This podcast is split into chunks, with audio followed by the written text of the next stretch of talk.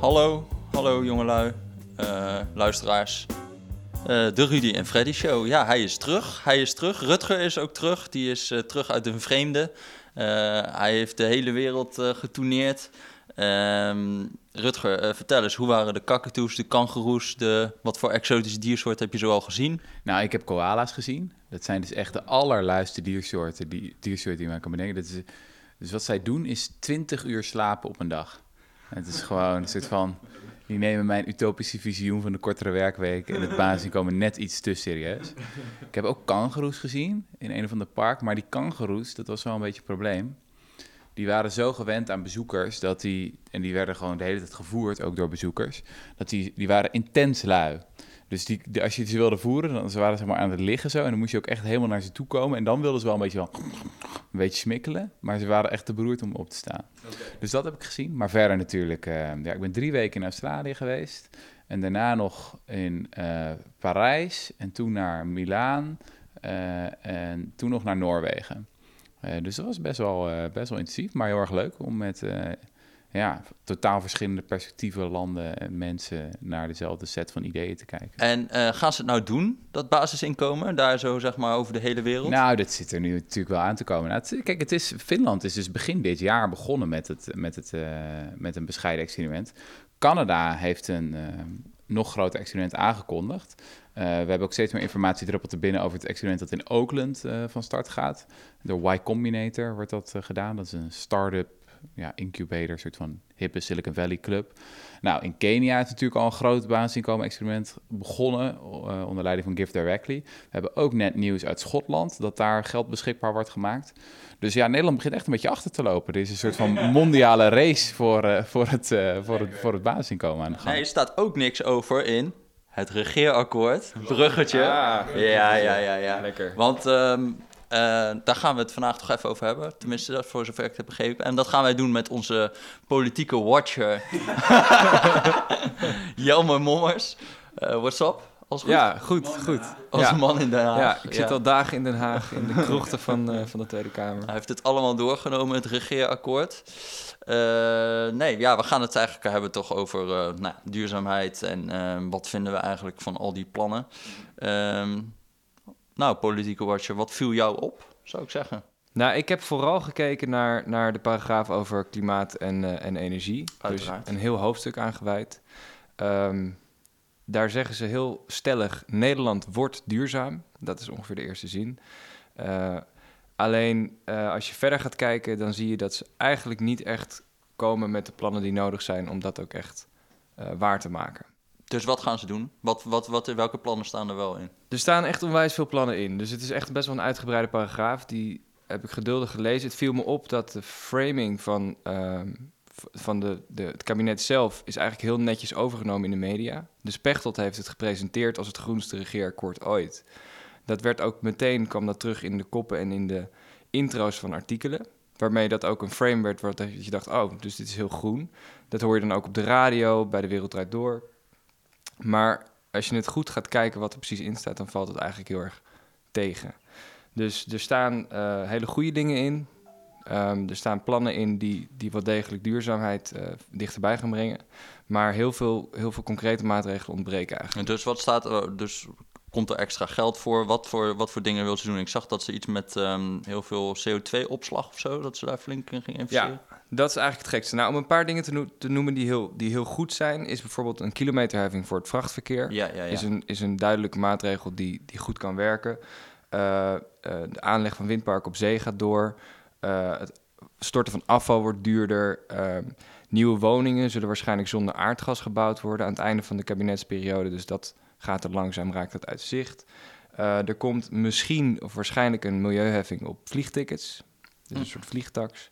Niet direct. Ze gaan eerst in Europa dat proberen te regelen. Als dat niet lukt, dan gaan ze het in Ne- Nederland invoeren. Dus daar zitten ze wel op. Maar het gekste wat ze doen, eigenlijk aan de andere kant, eh, een soort van de maatregel die al deze goede dingen overschaduwt, wat mij betreft, is die inzet op eh, de opvang of de afvang en de opslag van CO2. Mhm. En dat is iets wat ze ehm, willen gaan doen bij industriële installaties, dus fabrieken, eh, raffinaderijen. Daar heb je uit de pijp komt CO2. En wat je dan gaat proberen is om dat af te vangen en onder de grond weg te stoppen. Dat is dus het is belangrijk om, denk ik, om op dat niveau over na te denken. Dat is een maatregel die die hele fossiele keten gewoon in stand laat. Je lost alleen het, het laatste stukje zeg maar op. Mhm. En daar ga je heel veel geld aan uitgeven. Dus je bouwt eigenlijk niks nieuws op. Maar dit kabinet wil eh, voor de extra eh, emissiereductie die nodig is, een beetje technische term, maar goed, er, er zijn al plannen. Dit kabinet gaat extra dingen doen om de uitstoot naar beneden te krijgen. En van die extra dingen is een derde gaan ze regelen, proberen te regelen met die afvangen en opslag van CO2. Ja. Dus dat is een substantieel deel. Ik heb zitten rekenen, wat gaat het dan kosten eh, aan het eind van, van deze kabinetsperiode of in het streefjaar waar ze het zelf over hebben, 2030. Dan ehm, eh, heb je het over eh, meer dan een miljard euro, wat ze daar ook aan subsidie aan zouden willen gaan geven. Dus dat gaat om ongelooflijk veel geld. Mhm. Terwijl het dus niet een maatregel is die een duurzame economie dichterbij brengt. Dus het is een, een wat mij betreft een heel dubieus besluit. En ehm, het, het is volgens mij ook niet goed opgepikt dat ze daar zo massaal op inzetten. En wat er ook zo gek aan is, is dat juist deze zomer is het grootste project wat dit zou gaan doen, is afgeblazen in de Rotterdamse haven. Dus eigenlijk alle plannen die hiervoor waren en daar, daar zou worden geëxperimenteerd, dat is eigenlijk net eh, bij het grof vuil gezet. En dat nu gaan ze zegt nu het, toch weer wel doen. nu zegt het kabinet, we gaan in overleg treden met de partners in de Rotterdamse haven en met anderen om te kijken wat er mogelijk is. Mhm. Maar eh, het lijkt alsof ze even hebben gemist dat het eigenlijk net een enorme duikvlucht heeft genomen, die hele techniek. Want CO2-opslag, als ik het goed begrijp, dat is een soort van de makkelijke weg eruit. Zo van, je hoeft niet de echt moeilijke beslissing te nemen om naar een radicaal andere duurzame economie te gaan. Maar je kan nog een beetje, Ja, ja, het een doekje voor het bloeden. het is een soort van, eh, het wordt denk ik terecht geduid als iets dat als je geen andere opties hebt, stel je, je, je hebt bijvoorbeeld een staalfabriek Ja. en je kunt staal niet anders produceren dan met kolen. Mhm. dan, en je wil wel staal gebruiken, dan moet je die CO2 van die staalfabriek afvangen. Dan is Mhm. dat een heel eh, redelijk, redelijk iets om te doen. Maar voor de meeste industriële processen zijn er alternatieven. En wordt het nu toch ingezet. Dus het is inderdaad een soort van, een soort van eh, ja, niet echt een duidelijk, duidelijk ding. En ehm, eh, ik denk dat, eh, dat er dus ook kansen blijven liggen waar de potentie in de industrie wel echt zit. Bijvoorbeeld bij ehm, eh, eh, door bijvoorbeeld te produceren zonder kolen, maar met elektriciteit. Hm. Eh, en dat Hey. kunnen fabrieken best. En ik ben heel benieuwd hoe je hier naar kijkt. Toen een paar maanden geleden stapte ehm, GroenLinks uit, eh, uit de onderhandelingen. Ging toen niet over klimaat, maar over, over immigratie en vluchtelingen en zo. En toen was er heel veel kritiek van mensen die zeiden van... ja, Jesse Klaver die heeft, is nu eigenlijk min of meer persoonlijk verantwoordelijk... voor de ondergang van de planeet. Want ze hadden ja, Ja. de kans om een echt groen eh, regeerakkoord te realiseren... Ja. die hebben ze laten gaan. Nu zeggen weer andere mensen van... nou, het kan dus blijkbaar ook prima met GroenLinks. Want eh, sommige mensen zeggen van ja, dit is toch een best groen regeerakkoord. Ik ben heel benieuwd hoe je daar naar kijkt. Mhm. Ehm, en ik ben ook heel benieuwd van... Ik begrijp het, weet je, het is, de uitdaging van klimaatverandering is zo groot. Weet je, je doet in die zin nooit genoeg. ja, Vind je in het licht van, ja, toch... Ja, VVD en CDA zitten ook aan tafel. ja, Eh, dat zijn niet de grootste klimaatalarmisten. Zo, weet je, als je bij de Telder Stichting... eh, ja. wetenschappelijk bureau van de VVD vraagt, dan zeggen sommigen, nou, je hoeft helemaal niks te doen. Ehm, dus in, in het licht daarvan, nou ja, niet toch best wel een ambitieus. Ja, nee, zeker. Als je, om met je laatste vraag te beginnen, als je zeg maar binnen de huidige politieke werkelijkheid kijkt, dan was dit misschien voor ChristenUnie en D66 het hoogst haalbare. Mhm. Maar er zitten wel gewoon hele gekke keuzes in. En ehm, volgens mij heeft het kabinet het niet goed uitgelegd. Dus er staat ook weinig motivering van we kiezen hiervoor, want. Hm. Of uit dit onderzoek blijkt dat, dat, de, dat dit of dat de meest kostenefficiënte keuze is. Hm. Dat is helemaal niet onderbouwd. Dus ze hebben ook maatregelen gekozen die duur zijn. En die, die, niet goed, eh, die niet per se heel veel opleveren. En zeker niet op de korte termijn. Hm. Dus eh, er zit een heel gek soort ideologie in. En dat, dat moet dus wel van, die, van, van de VVD, denk ik, komen. Of, eh, of misschien ook D66. En was dat beter geweest als GroenLinks had gezeten? Het is een beetje een iffy vraag, maar Nou ja, die hadden denk ik duidelijk het punt gemaakt. We gaan niet zoveel geld uitgeven aan, die, aan het opvangen of het afvangen en opslaan van CO2. Hm. Ik denk dat die daar wel een stokje voor zouden hebben proberen te steken. Mhm. Uh, maar dan nog, er zijn zoveel, dit gaat over zoveel meer. Hè? Dus we hebben het nu over de industrie en over die CO2-opslag. Maar het gaat ook over de gebouwde omgeving. Hoe ga je die isoleren en energie-neutraal maken? Het gaat ook over vliegverkeer, uh, scheepvaart, Mhm. over uh, elektrische vervoer of uh, andere vormen van schone, schoon transport in de stad. Het gaat eigenlijk over bijna alles. En je ziet dat, um, dat op sommige punten zijn goede besluiten gemaakt en op heel veel punten blijven de kansen liggen. Dus ik denk dat in mijn optiek zou, zou GroenLinks uh, wel van heel ver hebben moeten komen om hier, om hier een effect te hebben. Mm.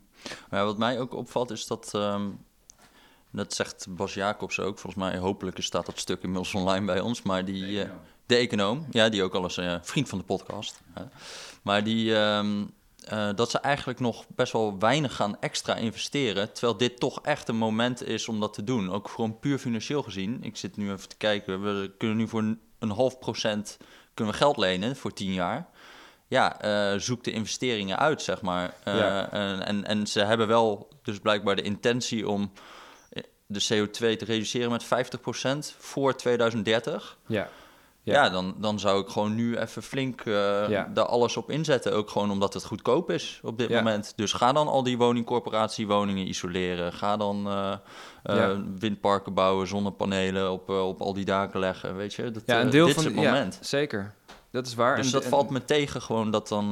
want ze, hebben ook, ze zijn toch best wel wat geld aan het uitgeven... dat er niet wat meer geld toch nog hierheen kon. Ja, nou, er is op zich wel, er is al geld gereserveerd, ook door de vorige kabinetten. Is, er is een subsidiepotje, dat Mhm. betalen consumenten op hun energierekening, een heffing. Dat is de SDE, toch? Dat, ja, op je energierekening heet dat de opslag, eh, of de opslag duurzame energie. Mhm. Dat wordt dan een potje bij de overheid, dat heet de SDE+, de subsidieregeling duurzame energie. En daar worden al dit soort dingen uit gefinancierd. Maar dat geld gaat nu vooral naar windmolens en naar ehm, eh, de bijstook van biomassa in kolencentrales. En dat zou, volgens de nieuwe plannen, zou dat ook naar die eh, opslag van CO2 moeten gaan. Nou, dat is dus best wel een gekke stap al. Ehm, eh, omdat je daarmee dus eigenlijk het geld bij de huishoudens ophaalt... en dat geef je terug aan industriële bedrijven... die eigenlijk zelf, als ze die investeringen graag zouden willen doen... daar ook best toe in staat zijn, Ja. zou je zeggen. Eh, dus dat is, vind ik niet helemaal fair. En eigenlijk slaan de meeste kosten van die plannen slaan dus neer bij burgers... terwijl bedrijven eh, bijvoorbeeld 3,3 miljard korting krijgen... op de vennootschapsbelasting Ja. structureel per jaar. Dus dat is een totaal scheef. Dus Mhm. ik vind het ook op dat aspect vind ik het niet eerlijk ingedeeld. En bijvoorbeeld de eh, woningcorporaties die ehm, inderdaad een supergrote rol kunnen spelen in het verduurzamen van, eh, van het woningaanbod. Eh, die krijgen nu, die moeten verhuurdersheffing af, afstaan. Ja, en die ja. krijgen nu eh, zeg maar 100 euro korting daarop, of 100 miljoen euro korting daarop, om huizen te gaan verduurzamen. Mhm. Ja, dat is bij verre na niet genoeg voor wat er nodig is. Ze hebben zeker 750 miljoen euro per jaar nodig, of misschien wel een miljard. ja. En je zegt, wat jij zegt, is helemaal waar. Laat ze dat geld gewoon zorgen dat ze het niet hoeven af te staan, of leen het aan ze tegen een schappelijke prijs. Ja, want als je volgens mij het sommetje gewoon maakt, dat verdient zichzelf ook wat terug tegen dit, Ja. soort, eh, tegen dit soort rentes. Ja. Mijn moeder die doet het ook, weet je wel. Die gaat ook eh, zonnepanelen nu op haar huis leggen, omdat ze toch te weinig geld krijgt op haar bankrekening. Ja, Dus eh, dat, dit zijn investeringen die nu lonen. Dus dat is wel zonde, ja. lijkt mij. En ze leveren ook heel veel banen op. Dus dat is ook allemaal bekend. Het gaat om tienduizenden banen als je die bouw echt een flinke opdonder geeft. Is het probleem niet bijna dat we, weet je, dat we klimaat als een dossier beschouwen als alle anderen? Weet je wel, dat er een beetje uiteraal plaatsvindt en jij krijgt wat op klimaat en jij krijgt wat op veiligheid. Ja, Terwijl het gewoon een uitzonderlijk dossier zou moeten zijn. Eigenlijk zouden Ja. we iedere podcast van de Rudy en Freddy Show... zouden we het over klimaatverandering moeten hebben. Ehm, ik zat in, in, in Australië, was ik bij een eh, diner van Bloomsbury. Eh, die hadden dat eh, georganiseerd en er zaten dus allerlei auteurs... die ook door Bloomsbury eh, worden uitgegeven. En ik zat naast een econoom, ze, heet Claire Brown... Ehm, eh, heeft een goede staat van dienst. Was de eerste vrouwelijke econoom die, die eh, tenure kreeg aan de faculty in Berkeley. En die had net een boek uit, dat heet Buddhist Economics. Heel, heel goed boek trouwens. Eh, en zij vertelde dat zij een tijdje geleden op een eh, bijeenkomst was met allemaal nou ja, hotshots in de internationale economie. En er zat onder andere ook eh, Piketty, onze Franse vriend, die dat dikke boek over ongelijkheid heeft geschreven, dat niemand heeft gelezen. Ehm, en zij zei op een gegeven moment tijdens dat diner, zei ze tegen, tegen, tegen Piketty, zei ze van ja, het is allemaal heel interessant, ongelijkheid, et cetera. Maar ja, het is gewoon een beetje, bijna een hobbyproject. Alles, alle economie zou, of, of weet je, het grootste deel van de economische wetenschap zou nu over klimaatverandering moeten gaan. Er zou veel meer onderzoek naar moeten. Maar als je kijkt naar de output van papers, gaat echt maar een relatief klein deel daarover. Ehm, en toen was het de tijd stil aan die tafel en toen zei Piketty, ja, je hebt waarschijnlijk gelijk. en toen was het zo van, ja, ja sorry. Ja, Ja. Ik, ik heb net dit boek hier geschreven. Maar dat, dat, dat Ja. vond ik wel een, eh, ja, een veelzeggende anekdote. Ja, Toen dacht ik ook van, naar, aan mijn, naar mijn eigen werk, van ja, ik, ik hint af en toe wel een beetje naar klimaatverandering. Ik zeg, ja, korter werken is ook goed voor het klimaat. Maar het is vaak zo'n bijdingetje erbij. Mhm. Ja. Terwijl als je dan bij dit soort dingen denkt van ja, we moeten zoveel ambitieuzer zijn. Het moet zoveel meer ehm, bovenaan de agenda staan. We moeten het eigenlijk elke dag de hele tijd over hebben. Ja, nou, het is volgens mij het, het, het meest dominante verhaal over klimaatverandering is stilte. Ik bedoel, Ja. het, het, het prettigst is het voor iedereen als we het er niet over hebben, omdat het zo groot en complex is. Eh, en als het er wel over gaat, dan zie je inderdaad in het regeerakkoord is het een hoofdstuk. Ehm, eh, en ik denk, zeg maar, de beste manier om erover na te denken over wat er eigenlijk nodig is, is dat is al vaak gezegd, een soort oorlogseconomie. Je moet een soort van mobiliseren, zo van we hebben een, een supergroot gemeenschappelijk doel. Ja. En daar Maar moeten dat we super. allemaal En hoe, krijg je een oorlogseconomie Ja. als er geen oorlog is? Nee, je? precies. Dat is de, dat is de grote, de Nou, grote misschien vraag. is de beter, betere analogie is nog hoe wij eh, toen zijn omgegaan naar gas in één keer. Hè? Dus toen Mhm. er gas werd gevonden in Nederland. Dat heeft volgens mij drie, vier jaar geduurd voordat in, in, in het, de grote meerderheid van de huishoudens gewoon gas was geïnstalleerd. Ja, En voordat iedereen zo'n fornuis had, weet Ja. je wel. Ja. Dus toen kon het heel snel gaan. Ook omdat dat financieel heel voordelig was. Maar daar heeft de regering ook actief beleid voor gevoerd om heel Nederland aan het gas te krijgen, zeg maar. Ehm, dat zou je, dat is hier wat lastiger omdat het niet zo goedkoop is. Gas was toen ook enorm goedkoop. Maar ja, je kan het doen. Ja, Eh, het kan allemaal wel. En je hoeft, het, eh, hoeft niet helemaal naar richting oorlogseconomie te gaan om, om voorbeeld te zien van hoe we qua energie hele radicale transities hebben doorgemaakt. nee. Nou ja, je moet inderdaad een, een, een, een, een overheid hebben die een soort van visionaire industriepolitiek durft te Ja. drijven ook. En dat, dat zie je nu niet. Het is wel grappig. Ik laat nu tijdens lezingen vaak een filmpje zien. Eh, wat toen op het Polygoonjournaal werd uitgezonden. En de burgemeester van Hilversum ontsteekt de vlam van de fabriek. En, Ja, ja, ja, ja. en, en dan zie je dus gewoon letterlijk hoe in huishoudens zeggen, dan zeggen ze ook van we gaan nu alle gasketels vervangen of alle kolenkachels vervangen door een gas. We gaan gewoon elk huis komt er een mannetje van de overheid die komt dat regelen voor u. Ja. En nu zou je dat net zo. Er is in principe geen reden om dat niet nu weer te doen. Om te zeggen: er komt een mannetje en die vervangt uw gasketel door een warmtepomp of een vrouwtje. Ja, Ja, een installateur. En die installateurs die willen dat ook graag. Zeker bedoel, bij corporatiewoningen. Zeker bij corporaat, ja. En dat is dus ook volgens mij het- het grote, wat hier verloren gaat in dit stuk van de regering, van de nieuwe regering, is ook de kans die dat biedt om ehm, eh, de samenleving een soort van positieve impuls te geven, maar ook democratischer te maken. Want als je die energiebronnen, die duurzame energiebronnen op de daken van mensen zelf legt, Mhm. dan eh, eh, hebben ze ook de macht binnen handbereik, weet je wel? Je Ja. decentraliseert de macht eigenlijk en je maakt de democratie sterker daarmee Ja. die kans blijft nu eigenlijk liggen. Eh, dat moeten mensen zelf doen. Mensen moeten zelf blijven investeren in zonnepanelen. En dan kunnen we dat alsnog proberen. Maar de overheid helpt daar niet voldoende op. Ja, het lijkt me ook zo het voorbeeld van, van een verhaal dat voorbij links-rechts kan gaan. Bijna een nationalistisch verhaal kan zijn van wij zijn het gidsland. Wij zijn als eerste met een totaal verduurzaamde Ja, economie. Wij lopen voorop, we pakken kansen, we innoveren. Ja. Andere landen komen bij ons kijken. Weet je, zoals we dat nu ook met ons watermanagement hebben. Andere landen komen bij ons kijken van hoe wij dat doen. Ja. Er stond een tijdje geleden een gigantisch artikel op de, eh, op de voorpagina van de New York Times over... kijk, zoals die Nederlanders het doen. zij weten dat het. Is, zij, zij weten het. Ja, En dat wil je eigenlijk op veel meer eh, Ja. dossiers hebben. Eh, maar ik, ik, ben, ik ben toch ook benieuwd, want ik weet er echt, echt te weinig vanaf. Hoe moeten we de positie van Nederland op dit moment duiden? Ik bedoel, ik heb wel eens van die ranglijstjes gezien van dat we echt onderaan bungelen in het, zeg maar in het, in het rechter rijtje. En Malta zit al in de honderd rond, geloof ik. Mhm. Hoe is dat inmiddels? Eh, als we het eh, laten we zeggen over de, de duurzame ranglijst. ja. Ehm, en gaan we stijgen, ja of nee? Eh, goeie vraag. Spannend, spannend. Ehm, volgens mij zijn er in Europa op dit moment maar twee of drie landen die minder duurzame energie opwekken dan Nederland, nog steeds. We zitten volgens mij op 5 of 6 procent uit mijn hoofd. Hm. Ehm, Ze doet echt heel slecht. We doen het echt heel slecht. En wat ook nog eens eh, eh, tegenvalt aan dat percentage, is dat een eh, flink deel van de duurzame energie die we opwekken, is biomassa verbranden. Dus dat is zeg maar houtpellets importeren uit, uit een ander land of afval bioafval, zeg maar, en dat in een kolencentrale gooien en mee laten verbranden. Dat telt dan als duurzame energie. Dus zonnepanelen en windmolens die zijn al best wel dominant in het debat en in het straatbeeld voor sommige mensen ook. Je ziet ze best wel.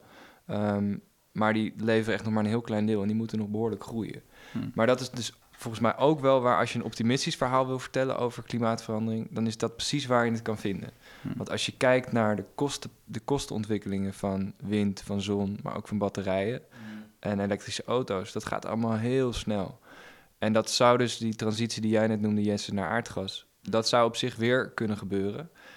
Puur en alleen omdat er gewoon de, de drive vanuit die technologie die goedkoper wordt zo sterk is, dat op een gegeven moment het gewoon voor iedereen aantrekkelijk wordt. Dus dat is nog steeds een heel lonkend eh, perspectief. Dat zie je ook in Amerika. Dus dat die Trump die probeert nu bij de EPA eh, echt eh, al die regulering die Obama heeft ingevoerd een beetje omver te halen. Met een beetje de belofte van al die kolenbanen komen weer terug. Ehm, maar voor zover ik het kon beoordelen, is dat, dat dat schip is gewoon voorbij gevaren. Weet Ja. je wel, hij kan doen wat hij wil, maar het is gewoon niet meer rendabel. En die, Ja. die- heel veel duurzame bronnen, gas ook, ja, dat is dan niet helemaal duurzaam natuurlijk. Maar dat kolen-era, dat gaat toch ook voorbij, wat Trump ook doet. Ja, Eh, en dat is, dat is wat dat betreft wel hoopgevend, dat de markt op sommige punten al verder is dan de overheid. zeker.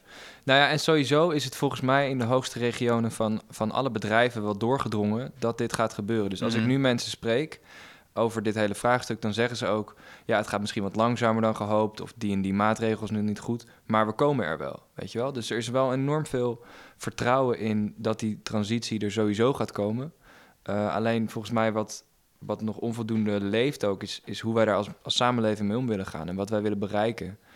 Terwijl we die eh, energievoorziening verduurzamen, kunnen we ook onze samenleving prettiger maken en socialer en democratischer. Maar daar moeten we wel voor kiezen. Daar moeten we wel een gesprek over voeren.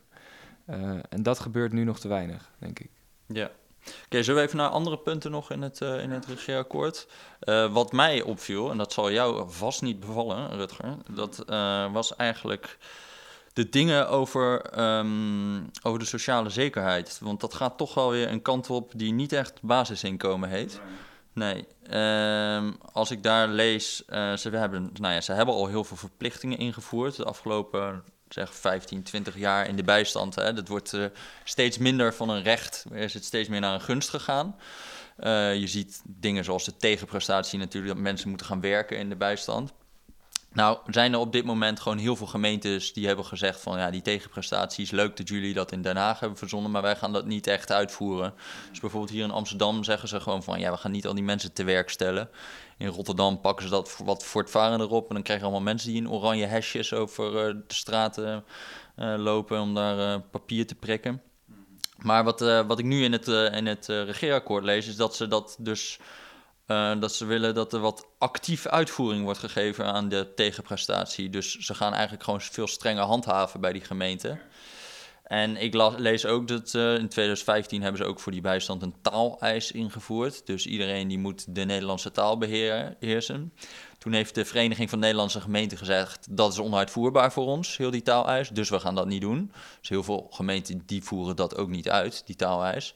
Maar nu staat ook weer in het regeerakkoord... dat moeten ze wel gaan doen. Datgene wat onuitvoerbaar is, dat moet wel uitgevoerd gaan worden. Ehm, ja, wat mij betreft gaat dat toch wel weer helemaal de verkeerde richting uit. Ook, ook wat betreft gewoon het feit dat, dat de mensen die het werk doen... zeggen dit, dit werkt niet. Nee, helemaal mee eens. Ja, dat is vrij. Wat mij heel erg opviel aan het, aan het regeerakkoord is dat het is weer zo'n goed voorbeeld van dat echte verandering niet in Den Haag begint. Dus als je gaat kijken naar waar gaat echt fors extra geld naartoe? Nou ja, het meest opvallende vind ik die 2,1 miljard naar de ouderenzorg. Nou, daar zit die hele beweging achter van Hugo Borst en, en eh, Caroline, hoe heet ze ook weer? Gemers. Ja, nou dat is, dat is echt petje af daarvoor. Ehm, dat, ze, dat ze daar zoveel politiek momentum achter hebben weten te krijgen. Dat dat nu ook echt in een regeerakkoord staat. Je ziet het ook bij investeringen in primair onderwijs. Weet je, het is gewoon een heel effectieve beweging geweest. Maar inderdaad, dan is het best deprimerend als je leest over sociale zekerheid. Dat het gewoon, weet je, het wordt niet... Ik, heb, ik kreeg vooral een gevoel van ja, nog meer van hetzelfde. Dus ja, 75 miljoen voor face-to-face gesprekken bij het UWV. Weet je wel, we gaan nog meer geld besteden aan, aan beleid waarvan al 100.000 triljoen keer is aangetoond dat het peperduur is. eh, niet effectief en zwaar vernederend voor de mensen die erin zitten. Eh, weet je, ik heb zelf lezingen gegeven voor het UWV, waarin ik zei, we kunnen beter, weet je, de salarissen van al die UWV-feestgesprek mensen gewoon uitkeren aan degene die ze proberen te helpen. En zelfs mensen bij het UWV beginnen dan te klappen. Maar we gaan er toch nog even 75 miljoen aan geven. Ik weet, begrijp ook al 75 miljoen, dat is niet... Nou, goed, het is veel geld. ik vind het veel Ja, het is veel geld, ja. Het is wel duidelijk van, ja, we gaan weer op, op die lijn, gaan we gewoon verder. In het, we blijven gewoon geloven in het fabeltje dat je mensen een baan in kan betuttelen of pesten. Dat is een beetje... eh, Maar ik, het- ik ben heel benieuwd wat er gaat gebeuren. Dat was een beetje de, de vraag natuurlijk met die, met die experimenten. Ook van, want er zijn op, lokaal niveau gewoon heel veel gemeenten. Die, zijn, die geloven hier totaal niet in. Weet je, ik ga voor een paar weken ga ik in Hardenberg ehm, eh, een lezing geven. Nou, ik sprak ook de wethouder daar. En daar hebben ze zoiets van, ja, weet je, wat- we nu doen, dat werkt totaal niet. Dus we wilden daar ook een hele avond over het basisinkomen in organiseren. Die avond wordt trouwens geopend door iemand van VNO-NCW... die ook helemaal vindt dat het anders moet. Dus wat mij zo fascineert is dat als het over de sociale zekerheid gaat, dat op lokaal niveau een heel sterke overtuiging is van, ja, wat we nu doen, dat werkt echt niet. We moeten het echt anders doen. Ja, Even, iets, want dat staat ook nog een stuk in het, eh, in het regeerakkoord... van dat het kabinet met gemeenten afspraken wil maken... om de armoedeval te verkleinen. Dus dan hebben we het over dat het vaak niet loont om te werken. Hè? Dus dat, dat is natuurlijk ook iets voor waar het basisinkomen over gaat. Ehm, en daarin ze zeggen ook nog dat ze wel de ruimte willen houden voor experimenten in de participatiewet. Ja, het is dus allemaal de vraag hoe dit ingevuld gaat worden. Maar dat zijn wel weer de juiste geluidjes. Ehm, maar het is nog onduidelijk, ja. Kijk, maar, maar, maar ik vind dat, eh, dat het inderdaad wel hoopgevend. Want we hebben dus volgend jaar ook weer gemeenteraadsverkiezingen. En ik hoop heel erg ook dat vooral die ruimte er blijft eh, om, eh, om te gaan experimenteren en zo. Want dat, dat merk ik, ik heb eigenlijk nooit echt geïnteresseerd in al die lokale politiek dingen en zo. Maar nu ik met schulden en zo bezig ben, dan merk je toch dat daar gewoon eigenlijk veel leukere mensen zitten. Of mensen gewoon, of ook, ook veel, meer, veel minder partijpolitiek gezeik vooral. Ik, het, het verschilt heel erg. Je komt gewoon SP'ers tegen waar je het totaal niet mee eens bent... en CDA'ers waar ik het totaal wel mee eens ben. Weet je wel, het is veel minder een, een ideologisch ding. En dat vind ik eigenlijk heel hoopgevend of zo. Dus ik, ja, ik hoop gewoon dat die ruimte er heel erg blijft. Want dat vind ik wel echt tof dat, dat die ruimte er is nu. Ja, dat zie je ook wel. Ik heb dat misschien in het begin niet zo heel duidelijk zeg, maar ook in die, in die klimaatparagraaf in het regeerakkoord, daar moet ik ze ook niet tekort doen. Want er staan ook wel dingen in die bijvoorbeeld juist op lokaal niveau heel goed kunnen uitpakken. Dus bijvoorbeeld zeggen ze, we gaan de mogelijkheden vergroten voor mensen om mee te doen in energiecoöperaties. Ja, dat is echt gewoon, ehm, eh, energiecoöperaties zijn echt van die dingen waar je ziet dat burgers gewoon zelf meedoen en, eh, en hun eigen energievoorziening veranderen. En, en collectiefjes vormen. Ik was gisteravond in een boekhandel voor een lezing. En toen was er aan het eind iemand die zei: Mag ik heel even? Ik, eh, ik heb hier vlakbij in een gebouw eh, op een eilandje in, in Amsterdam bij het station. Ik heb hier een, een clubje opgericht en wij gaan, onze, wij gaan deelauto's introduceren, elektrisch. En we willen ook onze eigen stroom opwekken. Wie wil voor ons social media doen? En het was grappig, want je hoort vet veel over de bottom-up bewegingen die, die de wereld veranderen. En eigenlijk was ik zelf nog heel weinig. Ik heb ze natuurlijk wel eens gezien, maar ik was niet echt bij zo'n spontane actie geweest nog. En dat vond ik wel heel hoopgevend om te zien. Want dat is inderdaad, da- dan, ja, dan inspireer je mensen ook om gewoon mee te doen en, en eh, aan oplossingen te werken. Is dat niet ook vet om dus eh, dat we dat dus even voor de gemeenteraadsverkiezingen ook eens even gaan inventariseren wat er zoal in het land gebeurt qua, eh, qua dit soort toffe initiatieven. Ja, En ook gewoon aan gemeenten gaan vragen, ja, ga dat dan ook doen, toch? ja, Als die ruimte er is, ook met energie. Want volgens mij, staan, dat, dat is dus het mooie van die gemeenten, die staan heel erg open voor ideeën. zeker. En, Nou ja, ik was ook bij de uitreiking van de Duurzame Top 100 dinsdag. Waar eh, de wethouder van Nijmegen, die over duurzaamheid gaat, op eh, Nijmegen. plek... Ja, mijn Nijmegen. stad. Zij kwam op plek drie binnen. Eh, misschien stond ze er al in. Ze staat in ieder geval heel hoog nu. Eh, eh, omdat zij, eh, ik ben even haar naam kwijt. ehm, zij zorgt voor een onwijze stroomversnelling in die stad. En ze, ze brengt mensen bij elkaar. Dus zij zorgt ervoor dat iedereen die een beetje wil ook elkaar kan vinden. Eh, en dat zijn precies het soort initiatieven waar we het volgens mij van, van moeten hebben. Weet je wat ik zo interessant vind? Als je kijkt naar de dossiers waar echt vooruitgang wordt geboekt of waar de winnaars zitten. Dus onderwijs, dat 100 miljoen eh, erbij krijgt, primair onderwijs. Defensie, wat is het, anderhalf miljard of zo? Zorg, ouderenzorg 2,1 miljard. Je ziet eigenlijk dat al die onderwerpen op een bepaalde manier gedepolitiseerd zijn. Dus om te zeggen dat, er, dat het niet meer duidelijke links-rechts tegenstellingen zijn. Weet je, het was inmiddels al, op Defensie iedereen was iets van... ja, we hebben daar gewoon veel te hard bezuinigd en dat kan echt niet meer. En weet je inmiddels is die uitrusting niet meer voldoende. Dus is het redelijk common sense of je nou links of rechts bent, daar moet geld bij. Uh, onderwijs is een beetje hetzelfde. Ja, het is volledig uit de pas. Weet je wel, bijna in heel Europa verdienen leraren en basisonderwijs meer. En volgens mij, als je een succesvolle maatschappelijke beweging wil starten, dan moet je, moet je ervoor zorgen dat je niet in het hokje van links of rechts wordt, wordt geduwd. Ook met, dat is misschien ook een goede les voor je schuldencampagne, Jesse, al zijn jullie volgens mij daar goed mee bezig. Um, je moet echt de taal gebruiken van jongens, dit is beter voor iedereen. Dat kan je natuurlijk ook met klimaatverandering doen. Van jongens, we kunnen hier allemaal van profiteren. Dit kan gewoon bedrijven van profiteren. Het is gewoon een uitdaging waar we met z'n allen voor staan. Ik vind het interessant dat, dat, dat dan op een gegeven moment, als er dan vier onderhandelaars om een tafel zitten, dat zij dan allemaal realiseren, ja, dat moeten we gewoon doen. Want ja, er is nu zo'n sterk maatschappelijk draagvlak voor. Volgens mij is dat ook wel zo op energie. Want het is volgens mij vrij duidelijk dat een groen energiesysteem is, is gewoon eleganter. Het vervuilt minder, het is beter, het, het, het, het, is efficiënter. Je kan dat beter inrichten. Het is nu nog wel duurder, maar op de lange termijn niet. En uh, uh, ik, dus ik ben het heel erg met je eens. Ja. Als ik uh, mag nog even op die, die schulden, dan wil ik ook nog even iets over zeggen over wat daarvoor in het regeerakkoord staat. Um, Kijk, ik vind het al. Uh, het is ook al, zegt al heel veel dat er überhaupt iets over in staat. Dus wat dat betreft mogen we successen vieren. Um, nou ga ik natuurlijk volgende week die campagne beginnen. Dus het is niet genoeg. Dat kunnen we ook nu alvast als spoiler gegeven. Uh, over het plan. Nou, we hebben een uh, manifest geschreven met vijf aanbevelingen voor de politiek van hoe het beter kan. Um, nou, het zijn gewoon dingen waar we het al heel vaak over hebben gehad. Je moet gewoon stoppen met dat beboeten van armoede beetje toezicht op de incassobureaus zou ook wel fijn zijn. Geen marktwerking met deurwaarders, dus dat je niet 15 deurwaarders op één gezin krijgt. Uh, dat de overheid één gezicht krijgt. Dus dat je niet eerst in naam van de koning iemand in de, in de problemen werkt, om dan in naam van de koning een leger hulpverleners erop af te sturen om de puinzooi weer op te ruimen. En ja, zeker. En, ja. en uh, gewoon makkelijker dat je, de, dat je de schuldsanering inkomt. Maar wat het nou leuke is, jij zegt uh, we moeten depolitiseren we hebben nu, uh, ik ben eigenlijk een soort half lobbyist aan het worden, waar je wel een burn-out van krijgt, maar het is wel heel leuk ook.